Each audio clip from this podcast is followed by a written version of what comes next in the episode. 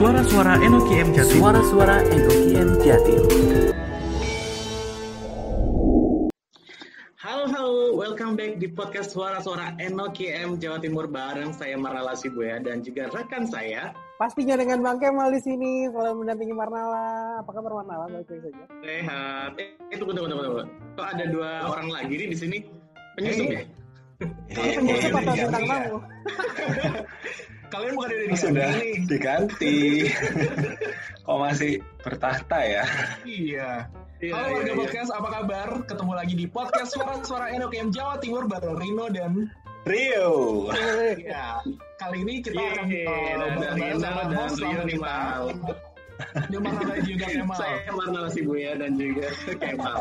Kemal. Tapi nggak apa-apa. Karena Iya, ini nggak uh, apa-apa. Ini- podcast perdana kita di tahun 2021, kita mau ngucapin selamat tahun baru dulu ya buat semua warga Oh. podcast yang mendengarkan pada hari ini. Selamat tahun baru. Selamat tahun baru. teman-teman ya. 2021.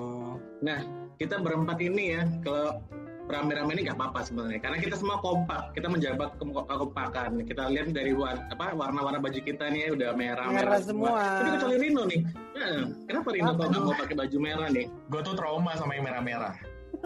Oh, kenapa nih, Bang? Ada orang Telkomsel loh, masa trauma sama yang merah, no? Ya iyalah. Eh, Cerita- cerita gak sih tiga minggu, dua minggu ini tuh Porto semua merah. Gue baru, padahal gue baru ikutan saham, baru mulai investasi saham buat prepare masa depan. Eh, udah ketiban merah nih gue. Wah, kasihan banget sih Bang Rino. Padahal udah bener ya. Niatnya mau pensi buat masa depan. Iya Tapi kita harus prepare sih emang buat pensiun kita itu. Bagaimana keuangan kita yang benar. Nah, Pas benar banget. juga sih. Yap, pas banget. Di episode kita kali ini, kita akan kedatangan narasumber yang sangat spesial. Eh, beliau adalah Mbak Linda Bun. Eh, gelarnya apa ya? Coba ada teman-teman yang bisa bantu nih. Mbak Linda Bun, CFP, CFP, UF. IFA. Aduh, susah Eh, bentar dulu, bentar dulu. Eh. Dari nggak bisa baca nih. Ini ini Marnala juga punya ini, punya gelar Marnala Sibuaya SIA CPT. Wih. Wih. SIA Service Quality Assurance CPT-nya calon pegawai teladan. Eta. Amin.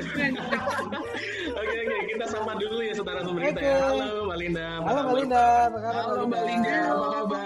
Semuanya duo R, Kemal dan Marnala. Iya. Iya, Mbak. Sebelum Nah. kita kenal lebih dalam lagi nih ya, kita pengen tahu nih sebenarnya CFPQFA itu apa sih, Mbak? Oh iya, Eh, CFP itu adalah Certified Financial Planner, Planner Kak, gitu ya. Eh, itu adalah Oh, sertifikasi eh, standar internasional. Kemudian kalau QFA itu adalah Qualified Financial Educator. Jadi eh, di Indonesia Wow. ini yang yang memiliki QFA itu paling baru seratusan orang Kak. Oh, Gitu. salah satu Ah, Eh, Tujuannya CFA ya. mengedukasi kepada masyarakat tentang Oh, personal oke. finance. Iya, iya, iya. Iya. Kalau edukasi. ada ujiannya, ada Hmm. ujiannya empat, empat level, kemudian uh, tiap tahun itu ada membershipnya seperti itu. Oh, ada ini ya kayak berjangka ya istilahnya ya. Apa gimana? Sertifikatnya. Kalau ujiannya ada sampai level 4, Iya. kalau mem- membershipnya tiap tahun kak. Oh, tiap tahun. Kayak membership gym Iya. gitu, ha, bayar Nah. Buat teman-teman pendengar yang kepengen juga ada gelar QFA, CFP, nanti bisa japri ke Mbak Linda ya. Kasih tips-tipsnya Mbak gimana biar lulus ujiannya. Oh, nggak Iya. susah. Nah, kita baca profilnya dulu ya. Kita baca dulu profilnya dari Mbak. Linda Bun nih. Bun ini adalah eh, seorang wanita yang sudah menikah dengan dua orang anak. Nah, yang menarik adalah S1-nya itu jurus eh, jurusan lulusan dari teknik teknik UI tahun 2004. Tapi S2-nya dia ngambil dari MMUGM tahun 2007. Penasaran nih, kenapa sih Mbak Linda dari teknik kok bisa expert banget nih soal keuangan nih? Kepo nih Mbak Kepo. Pada dasarnya tuh aku emang suka angka ya kak. Dari sekolah tuh suka yang namanya matematika, angka gitu. Kalau ujian tuh bisa sampai apa ujian SMP tuh bisa dapat 10 gitu kak. Wow. Nah, tapi ketika Kita sampai SMA, ulang ya, No ya.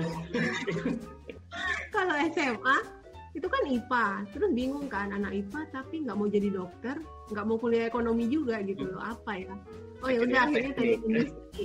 Nah, teknik industri. Nah, setelah ambil teknik, kemudian setahun setelahnya lanjut tuh finance di MMUGM gitu kak. Belajarnya tentang keuangan. Tapi itu keuangan corporate ya keuangan general gitu nah setelah belajar setelah itu belajar personal finance-nya itu belajar CFP-nya baru mulai 2019 kok kak Oke, 2019 baru mulai ya Mbak Linda ya. iya Eh, enaknya manggil kakak atau mbak nih? Karena di Jawa Timur kita manggil mbak aja nih ya. iya Oh iya, ini kan NOKM Jatim ya, jadi Mbak ya, Mbak Yu. Nah, eh, ngomong-ngomong soal tadi, eh, kan kita ada case nih mbak, eh, baru mulai investasi saham, terus tiba-tiba merah nih. Nah, eh, padahal eh, niatnya itu investasi saham untuk masa depan, untuk mendapatkan eh, pensiun yang ideal menurut eh, eh, pribadi. Kira-kira eh, dari Mbak Linda itu usia pensiun itu berapa sih mbak eh, di Indonesia saat ini? kalau usia pensiun itu beda-beda ya tiap orang. Em, biasanya sih usia pensiun itu 55-56 tahun ya, ada juga yang 60 tahun. Tapi banyak juga kan masyarakat kita yang mengambil yang namanya pensiun dini gitu. Tapi Yes. pensiun dini itu bukan berarti habis itu misalnya pensiun dini usia 40 bukan berarti nggak kerja lagi gitu ya. Pasti ada second career istilahnya, benar nggak sih? Apa- Benar, pasti ada benar, kegiatan benar, benar. setelah itu entah bisnis, ngajar atau apa pun yang dilakukan gitu. Uh, nah, usia kalau aku ditanya gitu ya, usia pensiunmu berapa mbak? Kalau aku sih belum ada rencana untuk mengambil pensiun dini gitu ya. Kalau dari kantor ya 56 tahun seperti itu kak. Karena Rata-rata pertimbangan untuk mengambil pensiun dini itu banyak sekali pertimbangannya pak. Gitu. Berarti rata-rata Rata lima lima eh, lima enam sih ya. Iya. Yes. Tadi bilangnya apa? Lima puluh enam tahun ya. Investor saham terus Hmm. merah gitu ya. Tapi dia nggak Merah gitu. nggak cuan dia. heeh. Curhat dia. Pak. Minus berapa sih sebenarnya cuan? Buntung buntung. Nah, Uh, kalau aku tuh Gimana, juga gimana, uh, paham kan dulu juga trader gitu loh ya sampai sempat rugi juga puluhan juta yang sempat bikin kapok tapi setelah aku belajar personal finance nah kita tuh uh, investasi saham investasi saham ini tujuannya buat apa dulu gitu ya? Uh, pertama misalnya buat dana hari tua kita. Nah berapa Oke. tahun lagi dibutuhkannya berapa tahun lagi? Kalau misalnya masih 17 tahun lagi kayak aku gitu ya masih 20 tahun lagi ya kenapa harus pusing dengan uh, saham yang merah saat ini gitu? Ingat nggak sih badai pasti berlalu ntar juga dia naik lagi gitu ya? Nah balik lagi ke tujuan uninstall kita, dulu, uninstall dulu. Iya Bersih dulu, kita. bersihin otak, bersihin otak. tujuan keuangan kita tuh apa terus yang kedua uh, butuhnya berapa lama lagi gitu loh kalau investasi Betul. saham bukan dipakainya buat bulan depan ya salah instrumen gitu loh Iya benar. Benar, benar. targetnya bu- 12 tahun lagi emang investasi saham kan buat jangka panjang dan itu pakainya harus Benar, uang benar. nggak pakai hutang dan nggak pakai uang panas nggak pakai uang sekolah uang nikah gitu Nah, itu dia. Tenang Rino, masih ada masih ada hari esok Rino. Benar, benar. Sehingga profil risiko kita kita harus tahu itu banyak kok tes tes profil risiko kita ini apa apa konservatif apa moderat apa agresif gitu ya kalau orang agresif mah lagi merah-merah gini seneng harusnya gitu ya justru dia beli mulai masuk tipis-tipis Ya. Iya, iya kalau benar. konservatif Benar. Kalau konservatif ya mainannya eh, yang aman-aman aja lah, yang deposito gitu kan, obligasi. Kalau disuruh main saham, eh bukan main saham, investasi saham, merah-merah gini ya nggak tidur dia, stres kan, gitu.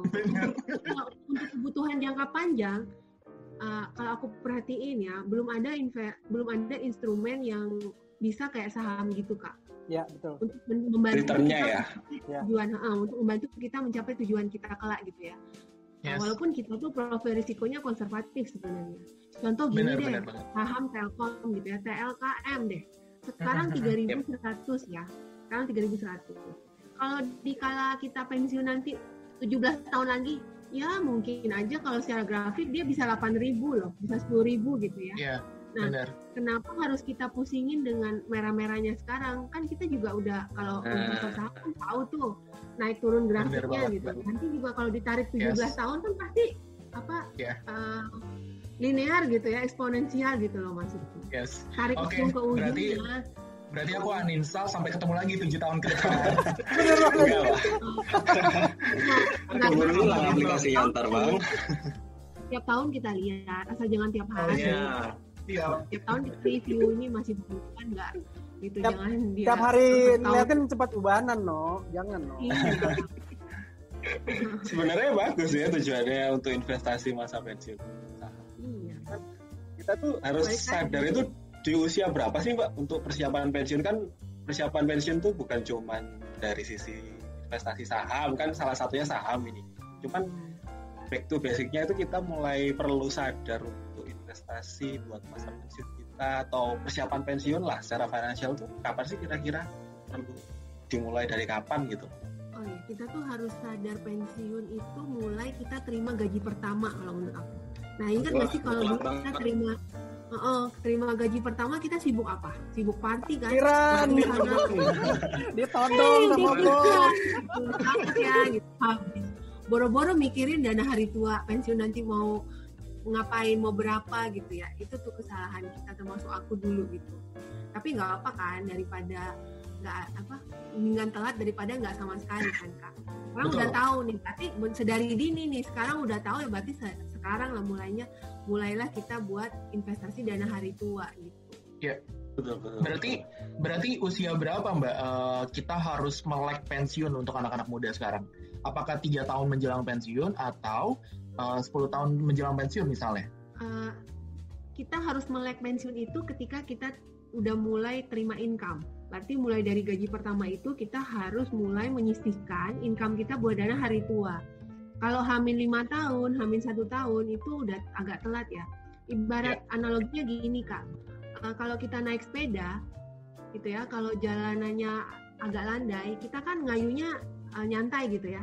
Yes. Nah, Uh, benar, segitiganya benar. itu landai gitu, segitinya landai karena waktunya masih lama. Kalau kita eh, tanjakan gitu ya, kalau segitiganya curam gitu, kalau naik sepeda tanjakan kan capek gitu ya. Nah, Iya. kalau dianalogikan se- dengan rupiahnya, misalnya usia 25, dia nabung buat dana hari tua, taruhlah 700 ribu per bulannya, butuhnya untuk mencapai tujuan dana hari tua 3M nanti. Nah, kalau Ya. hamil lima tahun, hamil lima tahun bisa jadi per bulannya itu udah butuh 15 juta gitu kak untuk mencapai tujuan hari tuanya nanti 3M gitu. Ini kan jauh banget bedanya kak gitu. Kenapa bisa jauh gitu kak? Itu karena ada yang namanya inflasi gitu ya. Eh, apa banyak faktor sih faktor faktor yang mempengaruhi kita eh, dan kita pensiun gitu ya yang harus kita siapkan tuh apa aja eh, kesehatan kita gitu ya income kita juga kan income kita belum tentu eh, naiknya tuh eksponensial atau linear tiap tahun naik gitu ya itu sih yang harus kita Yes, benar pertimbangkan Berarti Kesehatan mulai dari dulu. kita punya gaji pertama, kita harus sudah melek nih ya Mbak ya, udah mulai menyisihkan uh, berapa persen dari income kita untuk uh, um, mendapatkan pensiun yang ideal menurut diri, diri masing-masing. aman Uh, lah ya kalau tadi, yes, benar banget. Berarti kan uh, dari muda uh, kita harus sudah mulai memikirkan pensiun di usia 55 sampai 56 uh, nanti. Nah, kira-kira aset produktif apa yang harus dipunya sebelum masa pensiun nih, Mbak? aset produktif ya. Oke, tadi kan udah uh, dijelaskan ya ada tiga hal kalau misalnya kita mau berinvestasi. Pertama tujuannya apa, berapa rupiah butuhnya, dan yang kedua kapan mau dipakainya, periodenya berapa lama lagi, dan yang ketiga adalah profil risiko kita. Iya. Nah misalnya uh, kita butuh 3M nanti buat dari usia 56 sampai kita uh, harapan hidup usia 70 misalnya. Nah 3M ini kita uh, letakkan dana kita itu di instrumen apa aja gitu ya. Nah itu harus kita hitung kak return per investasi per asetnya itu berapa gitu. Harus ada hitungannya. Tapi alternatifnya buat aset investasi itu banyak sebenarnya. Kita satu-satu ya. Pertama ada yang namanya tabungan, ada deposito Tabungan. gitu ya. Uh, tabungan nih kalau teman-teman nyadar nggak sih kalau kita taruh uang kita di tabungan doang itu returnnya 0, per tahun kak. Iya. Paham, paham. Yes, kalau benar banget. deposito, bunga deposito lagi turun Iya. Iya. tiga persen per per tahun tiga persen, dipotong pajak kak 20 persen, netnya cuma 2,4 Kayak balik persen, modal ya. netnya 2,4 persen belum dipotong administrasi, Numpang inflasi lewat. kita itu udah Numpang berapa? Yes. Nah kemudian ada aset reksadana, Reksadana pun itu ada Yep. empat ya, reksadana pasar uang, reksadana pendapatan tetap, reksadana campuran, reksadana saham. Reksadana itu apa sih? Reksadana itu adalah wadah untuk menghimpun dana masyarakat pemodal untuk diinvestasikan ke portfolio efek oleh manajer investasi. Gitu. Nah, Terus itu sekarang bedanya ya Mbak ya. Jadi iya. Jadi kalau reksadana itu teman-teman atau penggunanya itu nggak perlu pusing gitu kapan untuk mengelolanya karena sudah ada manajer investasi Ada tadi Mbak. Jadi betul. positifnya di situ buat teman-teman yang pengen aman gitu ya. mungkin awal awal mula bisa Iya, tertarik benar. dari situ ya ya Iya. sekarang lewat apps banyak kak. iya Eh, Yes. harus Tapi, Mbak, mau ini kalau misalnya tadi kan uh, usia usia dari anak muda sebisa mungkin dapat dari gaji pertama atau dan seterusnya. Artinya sesegera mungkin lah kita harus berpikir untuk pensiun ya apa uh, merencanakan benar. pensiun. Tapi gimana sih kalau misalnya kayak resiko apa sih yang kalau misalnya kita kenapa sih kita masih muda gini harus mikir sampai jauh itu gitu? Apa kira-kira resiko terbesar apa yang akan kita hadapi nanti kalau misalnya kita nggak telat gitu telat banget nih mikirin ini gitu? Oh ya, aku simpan ya pertanyaannya ya. Ah, Kita lanjut tadi yang boleh investasi boleh ya. boleh Investasi kan tadi baru dua. Yang ketiga, oh iya iya. Lanjut ah, yang ketiga itu ada aset obligasi. Sekarang pemerintah lagi mengeluarkan ORI 019 kak. Itu Yes. returnnya 5,57 persen di, di luar pajak 15 persen ya. Berarti netnya 4,73 gitu. Ori Wow, lumayan tuh ya. Iya, Ori 019. Tapi kenapa turun ya Mbak ya? Karena suku bunga turun Iya. kan kak. Oh yes. Oh, karena itu ya. Jadi teman-teman. Uh, uh, kemarin kemarin tuh ada yang awal-awal seneng banget ikutin nah nunggu-nunggu nih ori Iya. tapi pas udah udah tahu oh, kok turun rate-nya jadi kayak udah males lah ori mau yang, yang lain lagi gitu Kalau nggak salah dulu itu Ternyata karena 9 suku persen bunga ya. ya mbak ya awal-awal Iya. Kemudian ada emas, Kak. Tapi ada beberapa perencana keuangan yang menganggap emas ini bukan aset investasi, tapi sebagai safe haven ya buat hedging. Ah, tapi kalau Oke. menurut saya sih Hmm. nggak apa-apa kalau kita beli- ada dana gitu beli emas gitu ya. Karena dulu Nabi, iya diversifikasi. Don't put your eggs in one basket. Nabi aja dulu belinya emas kalau misalnya buat haji, buat ah, biaya ah, tujuan keuangannya itu nyimpennya di emas gitu. Tapi emasnya tuh LM ya, batangan bukan perhiasan. Yang Oh. kelima, Kirain Perhiasan nanti tuh uh, di tangan berarti. berapa, di di kuping berapa, di kepalanya berapa. terus ada Kayak yang namanya Paris P2P dong. lending, Kak. Iya. P2P lending tuh peer-to-peer lending berarti kita me- memberikan dana meminjamkan kita uang eh, meminjamkan dana kita kepada peminjam baik yang individu maupun eh, apa UKM gitu ya. Ya. Startup gitu. Ada apps-nya Ya. juga. Bukan ada bukan minjem ke teman ya mbak ya. Kalau minjem ke teman ntar hilang mbak. Iya. Riro nih suka minjem-minjem. Nih Yang ada lupa balikinnya. meminjamkan ingat dari P2P lending. Nah, yang berikutnya ada mbak? ada. Uh, investasi saham gitu ya. Yang kakak-kakak di sini udah pada jago lah investasi saham. Gitu. Kemudian ada properti kak. Properti ini misalnya nanti pas hari tua pengen punya Oh, iya. kos-kosan pengen punya kontrakan atau mulai saat ini juga boleh tapi uh, perlu diperhatikan perlu hati-hati kalau punya properti terlalu banyak itu kan tidak liquid ya susah jualnya Iya, balik lagi ke banget. pastinya di mana balik lagi ke tujuannya buat apa beli properti ini gitu kemudian ada uh, derivatif tuh forex kripto spot Ya. forward gitu ya future nah terakhir punya bisnis misalnya nah itu tuh aset-aset investasi yang alternatif yang bisa kita miliki gitu ya produktif ya ketika kita persiapan dana hari tua nanti gitu Yes. gitu kak nah kemudian Ternyata tadi banyak investasi yang bisa dimulai ya Mbak ya dari muda Iya. sekarang. Yes. Iya, iya. tergantung profil resikonya masing-masing tuh. Ada yang agresif, silahkan coba paling akhir tuh saham gitu. Kalau yang kayak aman-aman kalau aja kayak Rio gitu. udah juragan gitu. juragan kosan tuh sekarang kayak Rio Oh iya.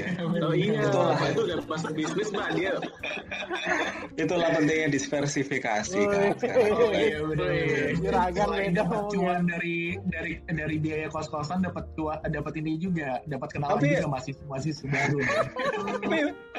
Diversifikasi itu emang penting soalnya kan karena pandemi gini kan kos-kosan udah nggak laku kan nggak seberapa laku. Tapi kita harus diversifikasi ke investasi lain. Benar tuh kata Mbak Linda tadi. Hmm. Benar, benar, benar.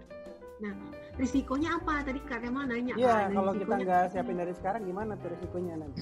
Iya. Ya, risikonya yang pertama eh, waktu itu adalah musuhnya eh, musuh apa teman tuh ya sebutnya Eh, personal finance gitu kak. Semakin Iya. telat kita memulai, semakin telat kita mulai, itu udah semakin eh, mahal lagi, semakin besar lagi investasi yang harus kita sisihkan untuk dana hari tua kita.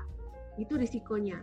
Terus Iya. kalau misalnya kita nggak kekejar nih ya, nggak keburu gitu, misalnya kita hamil lima tahun, baru mikirin tuh dana hari tua kita. Lima tahun lagi pensiun. Nah, akhirnya apa? Akhirnya kita jadi yang namanya sandwich generation, Kak. Oh, Apa itu? Generasi sandwich. Iya. Ya kayak sandwich ya, generasi yang menanggung tiga lapis kayak roti sandwich. Apa aja tiga lapisnya?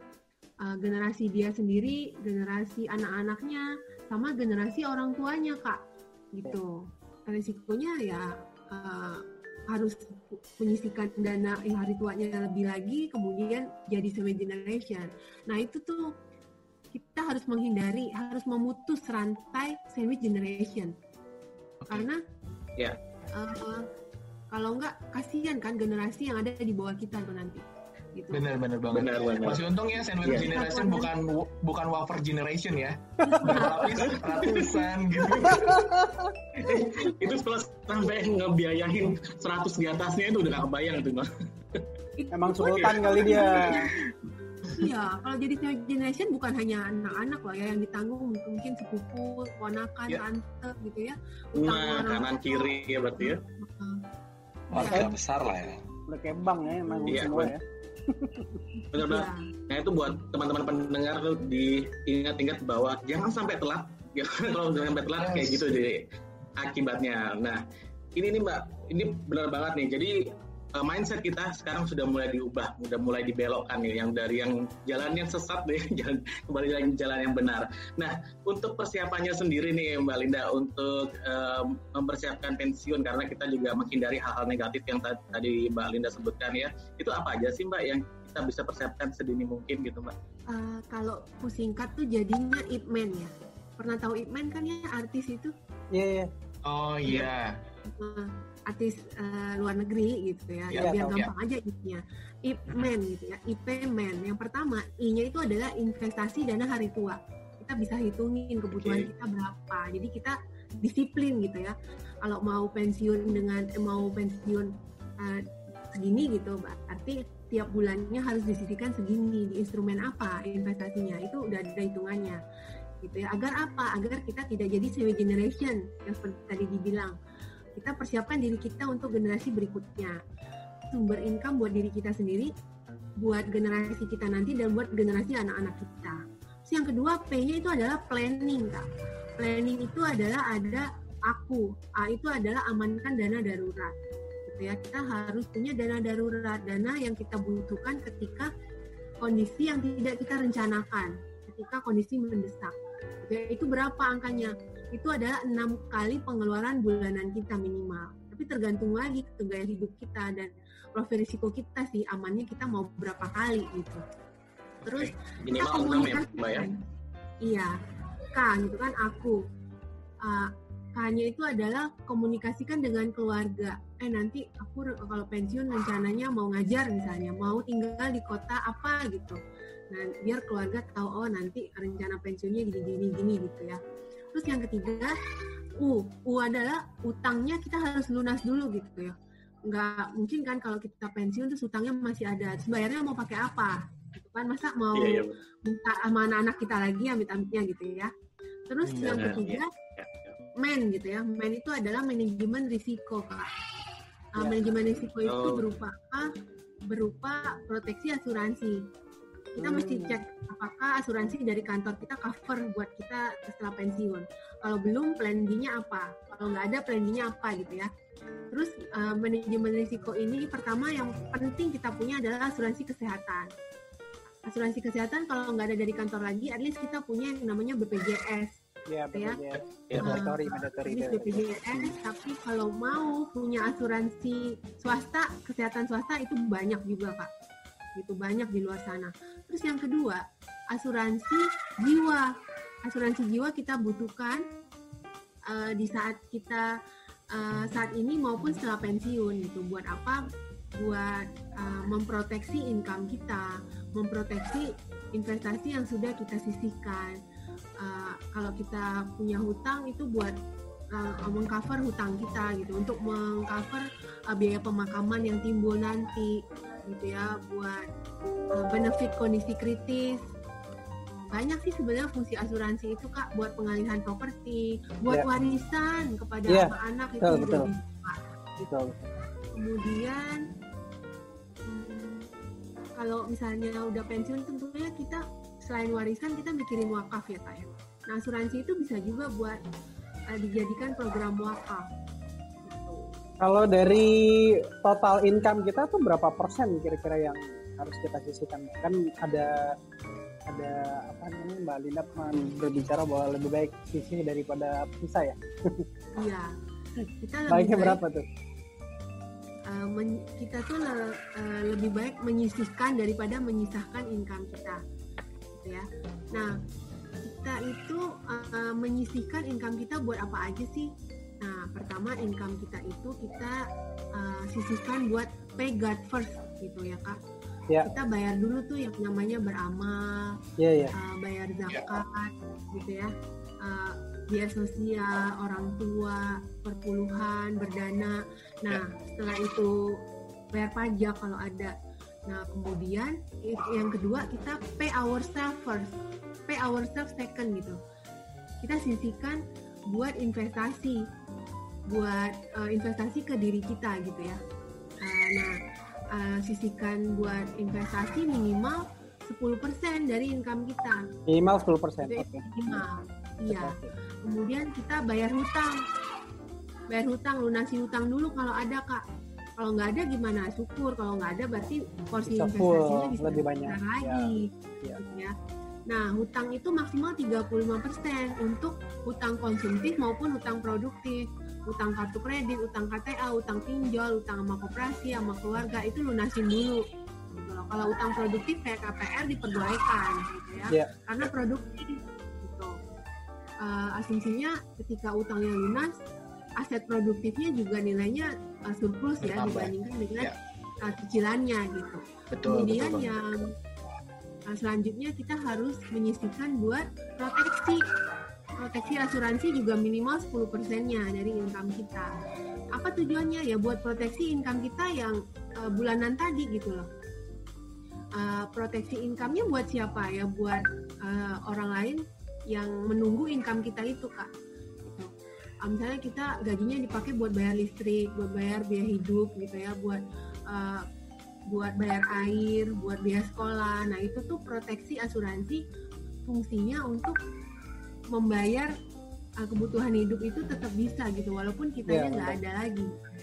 Gitu. Uh, orangnya nggak ada, tapi income-nya tetap ada. Itu pakai apa? Pakai uang pertanggungan asuransi kak. Iya. Kemudian terakhir barulah sisanya itu kita nikmati gaji kita. Buat Hmm. apa? Buat kebutuhan hidup, buat gaya hidup Ya. kalau mau buat beli sepeda, beli tas, beli baju, uh, buat apa training misalnya ya, buat uh, investasi leher ke atas. Nah itu ambilnya dari dari Iya, iya. itu. Yang penting, yang penting yang uh, biaya sosial, Ya. buat investasi proteksi hutangnya udah aman dulu gitu pak. Jangan Nah, sebaliknya yang menyisahkan uh, menyisahkan baru kalau ada sisa ditabung itu salah. Nah, itu salah ya Mbak ya. Eh, paling baik adalah kita menyisihkan eh, investasi dana investasi daripada Benar. menyisakan. Benar, benar. Ya, oke, benar banget sih, Mbak. Nah, ini ada beberapa kasus kayak yang pernah kita baca atau pernah kita dengar ya dari dari orang-orang gitu. Kalau misalnya dia pensiun gitu, Mbak, itu baru ia memikirkan pada saat beberapa tahun sebelum pensiun. Jadi dia kayak mengharapkan uang pensiun gitu kan ada ya, Mbak ya, kantor memberikan uang pensiun. Nah, itu yang sebenarnya diharapin sama eh, teman-teman atau orang-orang yang masih belum memikirkan dari lama. Sebenarnya sih untuk membuat eh, uang pensiun dan mengelola uang pensiun itu dengan baik itu seperti apa sih Pak? Apakah ada harus bisnis yang dikelola sebelum dulu kemudian ketika, pensiun dia udah settle gitu tinggal uang pensiunnya dimasukin ke situ atau seperti apa sih mbak contoh lainnya mbak? Estafet Ya, misalnya, banget. bisnis. Biar biar nggak kaget ya, biar nggak kaget Iya, pada saat pensiun nanti ya. Nah, kalau misalnya bagi seseorang yang sisa lima tahun lagi gitu ya, nah tetap dia harus hitungin ya aset yang dimiliki sekarang apa aja. Jadi, ah, jadi Ya. tahu kekurangannya kalau kurang itu berapa dan apa yang harus dilakukan. Ah, tapi kalau misalnya seorang karyawan gitu yang tidak pernah bisnis, terus tiba-tiba mikir- memikirkan oh nanti dapat uang pensiun, Iya. pakai buat bisnis gitu baru mau mulai itu uh, risiko juga ya kak pertama nggak punya pengalaman yang kedua kalau ternyata tidak menguntungkan bisnisnya tidak jalan yang ada stres gitu ya kalau stres Iya benar banget. tentu berpengaruh kepada kesehatannya gitu kan Benar, benar. Tuh. Nah, Nah, eh, berarti kalau udah telat begitu, pertama tetap kita harus hitungin aset-aset yang dimiliki apa aja, aset investasi, kemudian benefit dari kantor. Boleh kita hitungin, tapi Ya. eh, jangan terlalu berharap uang pensiun dari kantor. Eh, Ya. Konon kata HCM seperti itu, Kak. Jadi, Konon kata aja. bukan kantor kita kayaknya kantor luar. Iya. Maksudnya karena kan eh, kondisi sekarang ini dinamis ya kak ya. Dinamis. Nah, daripada kita mengharapkan sesuatu yang belum pasti, yang mendingan kita siapkan aja terlebih dahulu secara mandiri gitu. Kalau ada syukur, berarti menambah dong. Iya. Kita bisa Iya. memiliki gaya hidup yang lebih besar lagi nanti gitu ya. Nah, Benar apa banget. aja Tapi yang biasanya dimiliki gitu ya oleh seorang uh, karyawan deh contohnya aset yang dimiliki Iya. kita checklist tuh aset yang kita miliki apa kemudian apakah kita punya Oke. BPJS tenaga kerjaan BPJS Ya. jaminan hari tua BPJS jaminan pensiun kemudian apakah punya DPLK kak DPLK itu adalah dana pensiun lembaga keuangan. Kita punya nggak gitu benefit itu? Kemudian uh, aset investasi kita apa? Mhm. sama eh, kalau eh, apa dari kantor ada apa enggak gitu ya? Kalau ada gimana? Plannya kalau nggak ada gimana? Kalau misalnya Iya. kita mau berbisnis ya ya boleh-boleh aja dong gitu ya mau berbisnis. Tapi balik lagi kalau misalnya belum punya pengalaman punya bisnis gitu ya eh, terus mencoba-coba ya, gitu mbak. heeh, malah hilang semua berarti syukur gitu ya kalau misalnya Ya. ada resiko gagal itu secara psikologinya gimana gitu ya jangan Ya. sampai mempengaruhi Ya, kesehatan lah. terus uh, mempengaruhi kesehatan sakit ya akhirnya harapan hidupnya lebih pendek lagi gitu kak Nah, amit-amit deh kayak gitu ya. Wah, banyak Nah, banget nih yang udah pensiun. dijelasin. Kenapa, Mbak? pensiun tuh harus BSS Apaan tuh? BSS? bahagia sehat dan sejahtera Wih. bener bener bener bener udah banyak banget nih Eh, tadi kita udah belajar banyak banget eh, dari dari kita yang yang masih muda pun kita harus sudah melek pensiun ya kita harus Iya sudah benar. Harus investasi Ya. kita harus mempersiapkan planningnya amankan dana darurat minimal 6 kali gaji bulanan kombinasi dengan keluarga mau pensiun seperti apa. Yang penting utang harus lunas dan jangan lupa untuk proteksi asuransi ya untuk meminimalisir eh, resiko. Iya, betul. nah mbak eh, ngomong-ngomong soal pensiun kan kita juga harus melek nih ya gimana sih keadaan keuangan kita? Eh, sehat atau enggak gitu kan? Eh, nah Hmm. eh, kita punya case nih mbak. Ada eh, dari netizen sebelah dari netizen namanya disamakan yang- ya. iya namanya kita pip gitu kan Oke, gimana gimana? Sebut saja gimana? gimana. Bang? dia single eh, cowok Oke. usia 25 tahun saat ini dia anak pertama dari tiga bersaudara Eh, saat ini dia gajinya 16 juta per bulan 16 juta, oke. Eh, ya dia punya eh, apa namanya eh, aset produktif ya Eh, sebut saja rumah Eh, dia mulai nyicil 5 juta per bulan selama 10 tahun dan lalu eh, dia tuh bayarin uang sekolah adiknya mbak 2 juta per bulan. Dan dia juga lagi eh, bayar cicilan mobil dia ngambil kredit mobil 3 juta per bulan selama 4 tahun dan yang terakhir adalah biaya hidupnya per bulan itu 5 juta. Karena dia harus menghidupi eh, ayah ibu dan juga adik-adik. Nah kira-kira nah ini kan termasuk sandwich generation ya mbak ya? Mm-mm, iya benar. Kira-kira eh, kondisi keuangannya dia tuh sehat nggak sih mbak? Kalau ini tidak sehat sih karena kan tot- gajinya 16 juta Total Iya. hutangnya berarti KPR 5 juta sama mobil 3 juta ada 8 juta. 8 Ya. juta Oke. dibagi 16 juta itu 50 persen. 50%. Nah, nah, Oke. porsi utang maksimal itu yang diperbolehkan adalah maksimal 35 persen kak. Gitu. Oh, Utang yang 35%. diperbolehkan, yang diperbolehkan hanya 35% ya, Mbak ya? Dari gaji, ah, maksimal tuh 35 persen dari gaji bulanan kita bolehnya buat hutang. Itu termasuk utang konsumtif, utang produktif gitu ya. Kenapa? Iya, iya. Karena kalau udah di atas itu tuh kita eh, begah ya, ngap gitu bayar cicilan. Berarti uang kita tuh habis tuh buat buat bayar hutang gitu loh kak. Iya. Sebenarnya nggak kerasa ya karena 16 sebenarnya terus 8 untuk cicilan. Jadi masih 8 pikiran kita kayak masih ada 8 juta ah gitu. Jadi padahal sebenarnya itu nggak sehat ya. Ya kan? Iya, Harus kan, merah 35%. Kalau Harus maksimal merah 75%. Terus kalau misalnya kayak gitu, tipsnya gimana, Pak, untuk biar perencanaan dan penerapan personal financial planningnya biar sehat gitu loh keuangannya. Oh diobati dulu mbak, diobati dulu. tips? diobatin dulu ya. Iya. Nah, kalau ini kan biaya hidupnya 5 juta ya Ya. buat adik 2 juta berarti dia semi generation. Ya. Kemudian savingnya 1 juta. Nah saving 1 juta 1 juta dibagi 16 juta ini kan eh, 6% gitu ya. Nah Ya. total saving minimal itu eh, idealnya 10% minimal. Gitu. Berarti savingnya Oke. kurang nih kak, kurang 600 ribu gitu loh. Nah solusinya apa kalau ada case seperti ini? Pertama ya eh, KPR-nya tadi berapa tahun? Misalnya sisa lima tahun, gitu Ya. ya.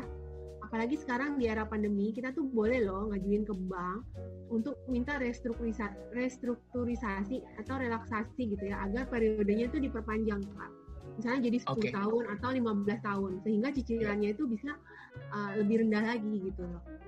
Nah, cicilan lebih rendah lagi berarti kita porsi savingnya bisa kita tingkatkan gitu. Kalau buat hutang produktif boleh kita lakukan seperti itu, gitu ya. Yang kedua, ya kita harus menurunkan gaya hidupnya. Gaya hidupnya 5 juta ini buat apa aja? Bisa nggak dikurangin lagi? Kalau nggak mau melakukan restrukturisasi hutang ya. Nah, Ya. Misalnya uh, 5 juta ini habis buat jajan uh, online shop gitu ya. Bukan Ah, makan Indomie tiap hari kan, bukan ya? Makan Nah. Indomie tiap hari rendang, besok soto gitu ya. Yang tadinya suka boleh. jajan ya masak sendiri aja gitu kalau enggak makan diet gitu ya kak Tuh, ada yang manggil bakso nggak tuh? Kedengeran? Langsung datang tukang bakso ya. Mau ikutan podcast kayak. Ya, Oke. jadi sih Kemudian yang teman-teman. Ketiga. Yang ketiga mbak, yang ketiga kita menambah penghasilan tambahan nih misalnya kita punya hobinya apa Ah, hobi tanaman misalnya hobi ah, buat konten gitu kan wow, youtuber, youtuber. Ah, bisnis sepeda mungkin ya bisnis online shop ya udah kita bisa menambah penghasilan Ah, gitu ya Ah, dari pandemi di era pandemi ini apa sih kira-kira bisnis tambahan yang lagi dicari dilirik sama netizen gitu ya itu bisa Jualan kita masker. Aku mau jadi Oh, aku mau jadi pembantunya Komen. Raffi Ahmad aja. Udah pasti makmur. Eh, boleh nggak jadi anaknya aja deh? Anak angkat. Nah, terus yang keempat ini eh, sebut saja si Bungi tadi ya ini namanya. Dia belum punya namanya asuransi Mbak, kak. ngomong. Ya, Eh, asuransi nggak punya nih, asuransi jiwa nggak punya, asuransi kesehatan buat after pensiun nggak punya, gitu ya. Oh. Nah ini gimana nanti amit-amit eh, pada saat eh, terjadi kepastian hidup, gitu ya.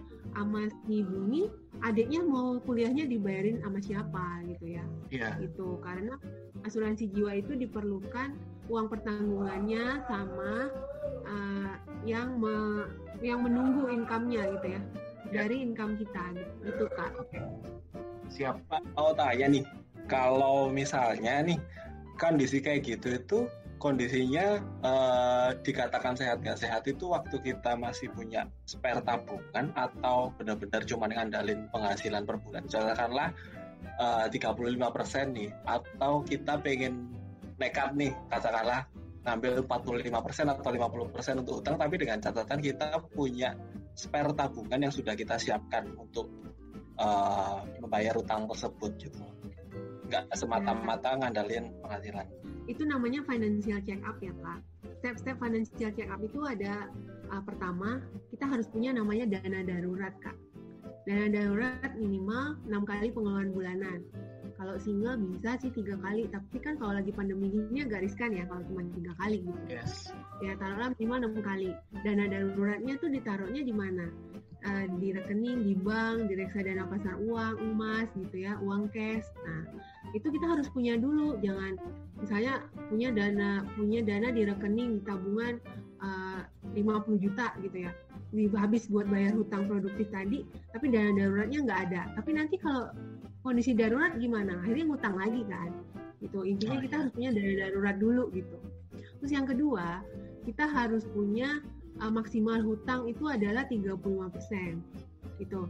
Kalau misalnya punya tabungan yang lebih dari dana darurat ideal gitu ya, ya boleh dilunasin hutangnya gitu. Buat uh, buat lunasin gitu ya. Misalnya punya punya tabungan tuh sampai 36 kali gitu Kak. Buat apa coba? Ya mending buat bayar hutang kan kalau masih punya hutang gitu. Nah, kemudian yang ketiga kita tuh harus punya yang namanya cash flow positif. Cash flow itu adalah pendapatan bulanan dikurangin dengan pengeluaran bulanan. Kalau cash flow kita negatif, defisit, apanya yang mau ditabung gitu kan? Nah, yang ada kita hidup tiap bulan itu uh, defisit dan dari hutang gitu. Nah, ada lagi sebenarnya laporan keuangan itu uh, yang bisa kita lihat adalah uh, neraca, laporan neraca atau balance sheet Kak. kayak timbangan gitu. Total aset dikurangi dengan total hutang. Itu adalah total kekayaan bersih kita. Gitu. Berapa sih seorang bungi misalnya itu total kekayaannya berapa dari udah lima tahun kerja ini gitu. Hitungan kasarnya harusnya kayak gini ya, lima tahun kerja total yang udah diterima misalnya uh, 1 m ya berarti asetnya harus minimal 1 m juga kak. Kalau nggak 1 Oke. m berarti bocor nih. Bocornya ke mana? Ya mungkin ke hutang gaya hidup ke biaya latte. Biaya latte itu latte faktor tuh misalnya biaya administrasi ongkir gitu ya. Biaya ngopi gitu tuh. Uh, kemudian rasio kak yang terakhir tuh. Rasio keuangan kita minimal tiga ini harus nggak merah rapotnya. Pertama saving. Saving rasio minimal 10% ini dia 6% yang kedua rasio hutang. Hutang rasio maksimal 35% yang ketiga adalah rasio likuiditas atau buat dana darurat tadi itu minimal enam kali dari pengeluaran bulanan. Ya udah kalau itu sudah semuanya udah hitam ya nggak merah ya berarti dia sehat gitu kan tinggal yang dibenerin kan kalau di sini adalah savingnya ditingkatkan lagi hutangnya dikurangin. Caranya gimana? Caranya ada dua uh, menurunkan biaya hidup atau menambah penghasilan tambahan. Kalau mau uh, apa ke bank juga bisa. Alasan pandemi misalnya ya minta restrukturisasi atau relaksasi dari periode sekian menjadi periode sekian. Dan yang perlu ditambah lagi biar ideal adalah apa proteksi asuransinya. Itu agar adiknya tetap bisa kuliah once terjadi kepastian hidup atau risiko sama si pencari nafkah si bumi tadi gitu kak. Iya, benar banget. Wah, itu dari eh, tadi tips-tips dari Mbak Linda eh, da- eh, gimana sih supaya kita mengubah eh, keuangan kita yang, yang sebelumnya tidak sehat menjadi sehat untuk kita mempersiapkan masa pensiun nanti. Nah, Mbak Linda kalau tadi kan tips-tips eh, untuk menyehatkan kembali tuh eh, eh, keuangan kita. Nah, gimana sih cara cara ngitung eh, perencanaan pensiun kita? Berapa persen sih dari income, dari saving tadi, eh, dari saving income tadi yang harus dipersiapkan untuk eh, persiapan masa pensiun yang ideal? Kalau contoh case tadi gitu ya 10% savingnya gitu ya. Kalau 10% ini kalau masih single gitu ya, terus belum ada rencana buat uh, uh, tujuan keuangan yang lain, belum punya anak juga, belum nikah gitu ya. Nah, berarti bisa porsinya ini 100% buat dana hari tua gitu. Oke. Nanti ketika umur 30 udah punya anak, itu kita bisa riset lagi nih porsi dari income-nya buat tujuan keuangan yang mana gitu, Kak.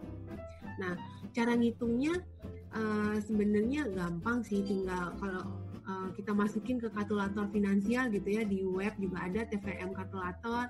Itu kita input tuh uh, apa uh, item-item yang dibutuhkan gitu ya. Misalnya nih contohnya sekarang usia 25 gitu ya. Mau pensiun usia 56 tahun. Harapan hidup kalau pria itu kan harapan hidupnya 70 ya kalau di Yes. Indonesia Kak wanita 73 itu hasil survei kemudian sekarang kan biaya hidupnya 16 juta. Iya. Ya, Nah, 16 juta ini uh, mau dipertahankan gaya hidupnya seperti ini atau diturunkan lagi nanti untuk di saat pensiun nanti, gitu ya? Uh, apakah tetap mau 16 juta atau mau 80 persennya misalnya? Gitu. Let's say misalnya mau tetap nih 16 juta dinilai sekarang, nanti kalkulator itu akan menghitung 16 juta nilai sekarang, PV-nya sekarang gitu ya, present value di uh, berapa tahun lagi tuh? Uh, 31 tahun yang akan datang 16 juta ini jadi berapa gitu ya per bulannya itu. Nah, dengan inflasi misalnya 6%, itu 16 juta menjadi 97 juta Kak per bulannya yang dibutuhkan. Nah, Ya. 97 juta yang dibutuhkan per bulan itu saat senilai 1,1 M tuh per tahunnya. Ya. Dari usia 56 sampai 70 tahun harapan hidupnya. Berarti total 14 tahun ya, sekitar ya? itu 14 M. Ya. Gitu. Nah, mau taruh di investasinya di instrumen apa gitu ya? Uh, nah, itu rate of return, rate of return sesuai dengan profil risikonya. Ya. Itu misalnya 12% sebelum pensiun. Nah, setelah pensiun mau dipindahkan investasinya ke mana? Nah, itu berapa rate of return investasi instrumen setelah pensiunnya? Itu ngaruh, Kak. Gitu. Nah, kalau misalnya rate of return sebelum itu 12%, berarti asumsinya dia adalah seorang investor saham, gitu ya. Kemudian rate of return setelahnya 10 misalnya ya portfolionya masih moderat lah ya, ada saham, ada reksadana, ada properti, ada bisnis misalnya, ada emas. Nah, itu per bulannya yang harus disisihkan adalah sekitar 3,2 juta, Kak. Gitu. 3,2 juta ya tadi ya Mbak ya? Ya, per bulan. Nah, Yes. eh, kalau misalnya punya dana tabungan lamsam nih, sekarang 320 juta aman dana hari tuanya, Kak. Gitu loh. Oh, Tinggal diput aja di instrumen yang nilainya 12% per tahun. Nah, tinggal, tinggal tiap tahun kita review nih, on the track nggak, mencapai nggak tujuan keuangan kita yang 14M tadi buat dana hari Benar. tua. Gitu. Jangan lupa satu hal, kita udah investasi dana hari tua, perlu juga jaminan dana hari tuanya senilai Iya. 13M juga. Berupa apa? Berupa proteksi asuransi, Kak. Gitu. Oke. Nah tadi kan kita 3,2 juta tuh ya sebulan yang harus Ya. disisihkan. Nah tadi kan si Bumi 1,6 juta gitu ya. Berarti harus diturunin lagi biaya hidup setelah hari tuanya. Gitu kan? Kalau Ya. kalau mau tetap nabungnya 1,6 juta.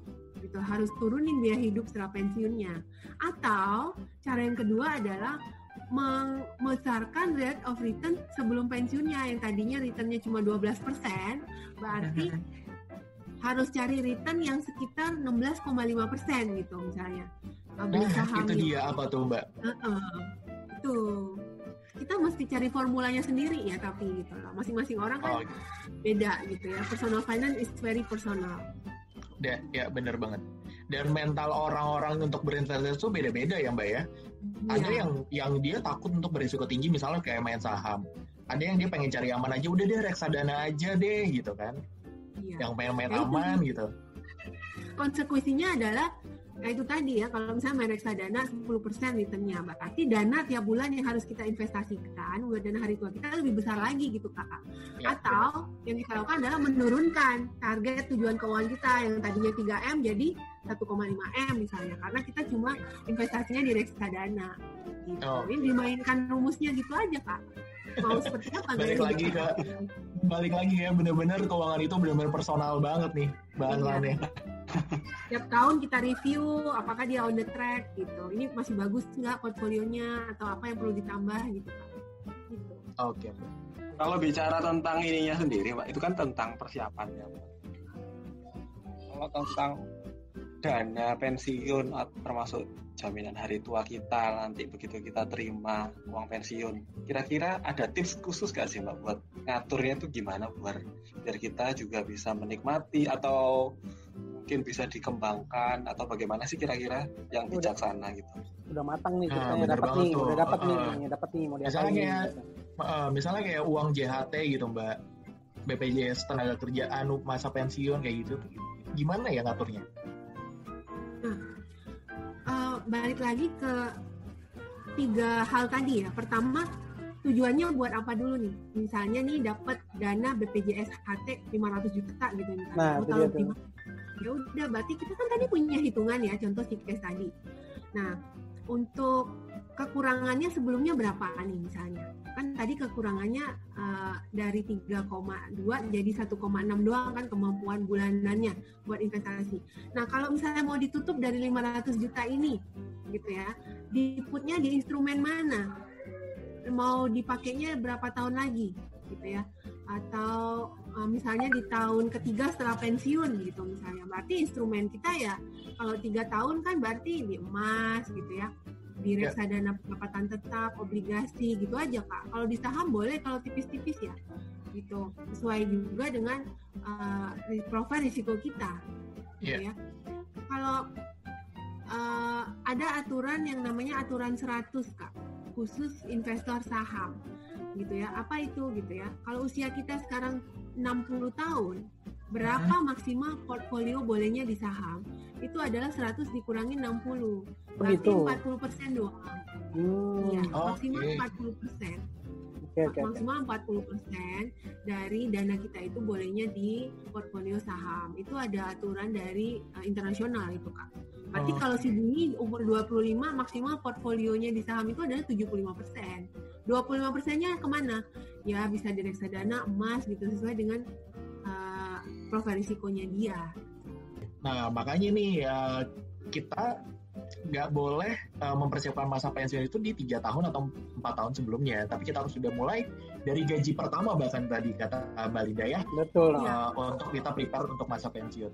Nggak terasa banget nih, udah banyak banget ilmu yang kita dapatkan mulai dari ngecek keuangan kita, kondisi keuangan kita sehat apa enggak, terus Iya. cara memperbaikinya, tips untuk mempersiapkan uh, masa pensiun dan juga dana pensiunnya seperti apa, investasi jangan lupa dan juga jangan lupa untuk uh, punya proteksi uh, proteksi uh, asuransi juga nih. Dan uh, kita pengen banget nih untuk closing Mbak Linda, kita pengen uh, minta uh, ke Mbak Linda tiga tips penting dalam perencanaan keuangan dalam mempersiapkan uh, masa pensiun yang ideal dan ajakan nih untuk mulai prepare masa pensiun dari muda. Boleh Mbak Linda? Tiga poin mbak. Oke. Mungkin. tiga poin ya. Pertama adalah manusia adalah makhluk yang diciptakan untuk memiliki kebutuhan hidup seumur hidupnya. Namun, kesempatan menciptakan aset hanya pada usia produktif. Benar ya?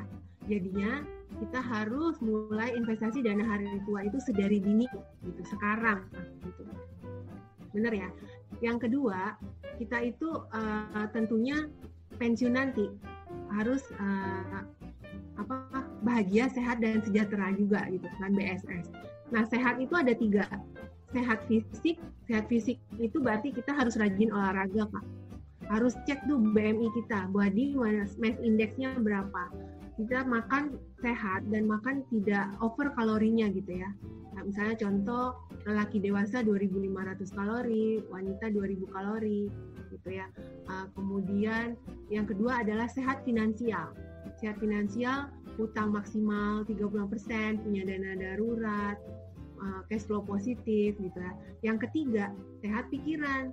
Kalau udah sehat finansial dan sehat fisik, tentunya pikiran juga sehat gitu ya. Tenang, tidur cukup gitu ya, istirahat cukup gitu ya. Seperti itu, Kak. Nah, yang terakhir, kalau teman-teman membutuhkan jasa financial planner untuk menghitung kebutuhan berapa rupiah dana hari tua gitu ya, dana pendidikan anak, instrumennya foodnya di mana, financial check up, terus butuh buat review polis gitu ya, yang sudah ada atau buat memperbaiki polis polis teman-teman, kemudian buat perhitungan distribusi waris. Nah, atau juga butuh training terkait personal finance bisa loh hubungin saya di Wih. 081299522166 atau follow IG linda.boen gitu kak. Oi. Dan jangan lupa kepada teman-teman untuk eh, bisa lihat podcast-podcast kita yang sebelumnya di Yes. Spotify suara-suara.nukm Jatim dan juga ada di Langit Musik. Nah, sekarang kita udah di Langit Musik juga nih. Wow. Ya, terima kasih kepada Mbak Linda, expert keuangan kita yang sudah berbagi banyak banget eh, tips-tips untuk mempersiapkan masa pensiun tidak hanya untuk eh, golongan-golongan atau eh, usia yang mau pensiun tapi juga mulai dari anak-anak milenial Uh, terima kasih banyak Mbak Linda untuk semua tips yang sudah dibagikan. Untuk semua warga podcaster yang sudah mendengarkan dan jangan lupa uh, nantikan podcast kita selanjutnya. Wih, udah resmi nih berarti Rio sama Rino ya. Yeay, aduh, Sore.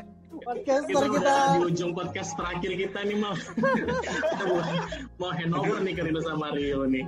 Jadi gak enak. Rio.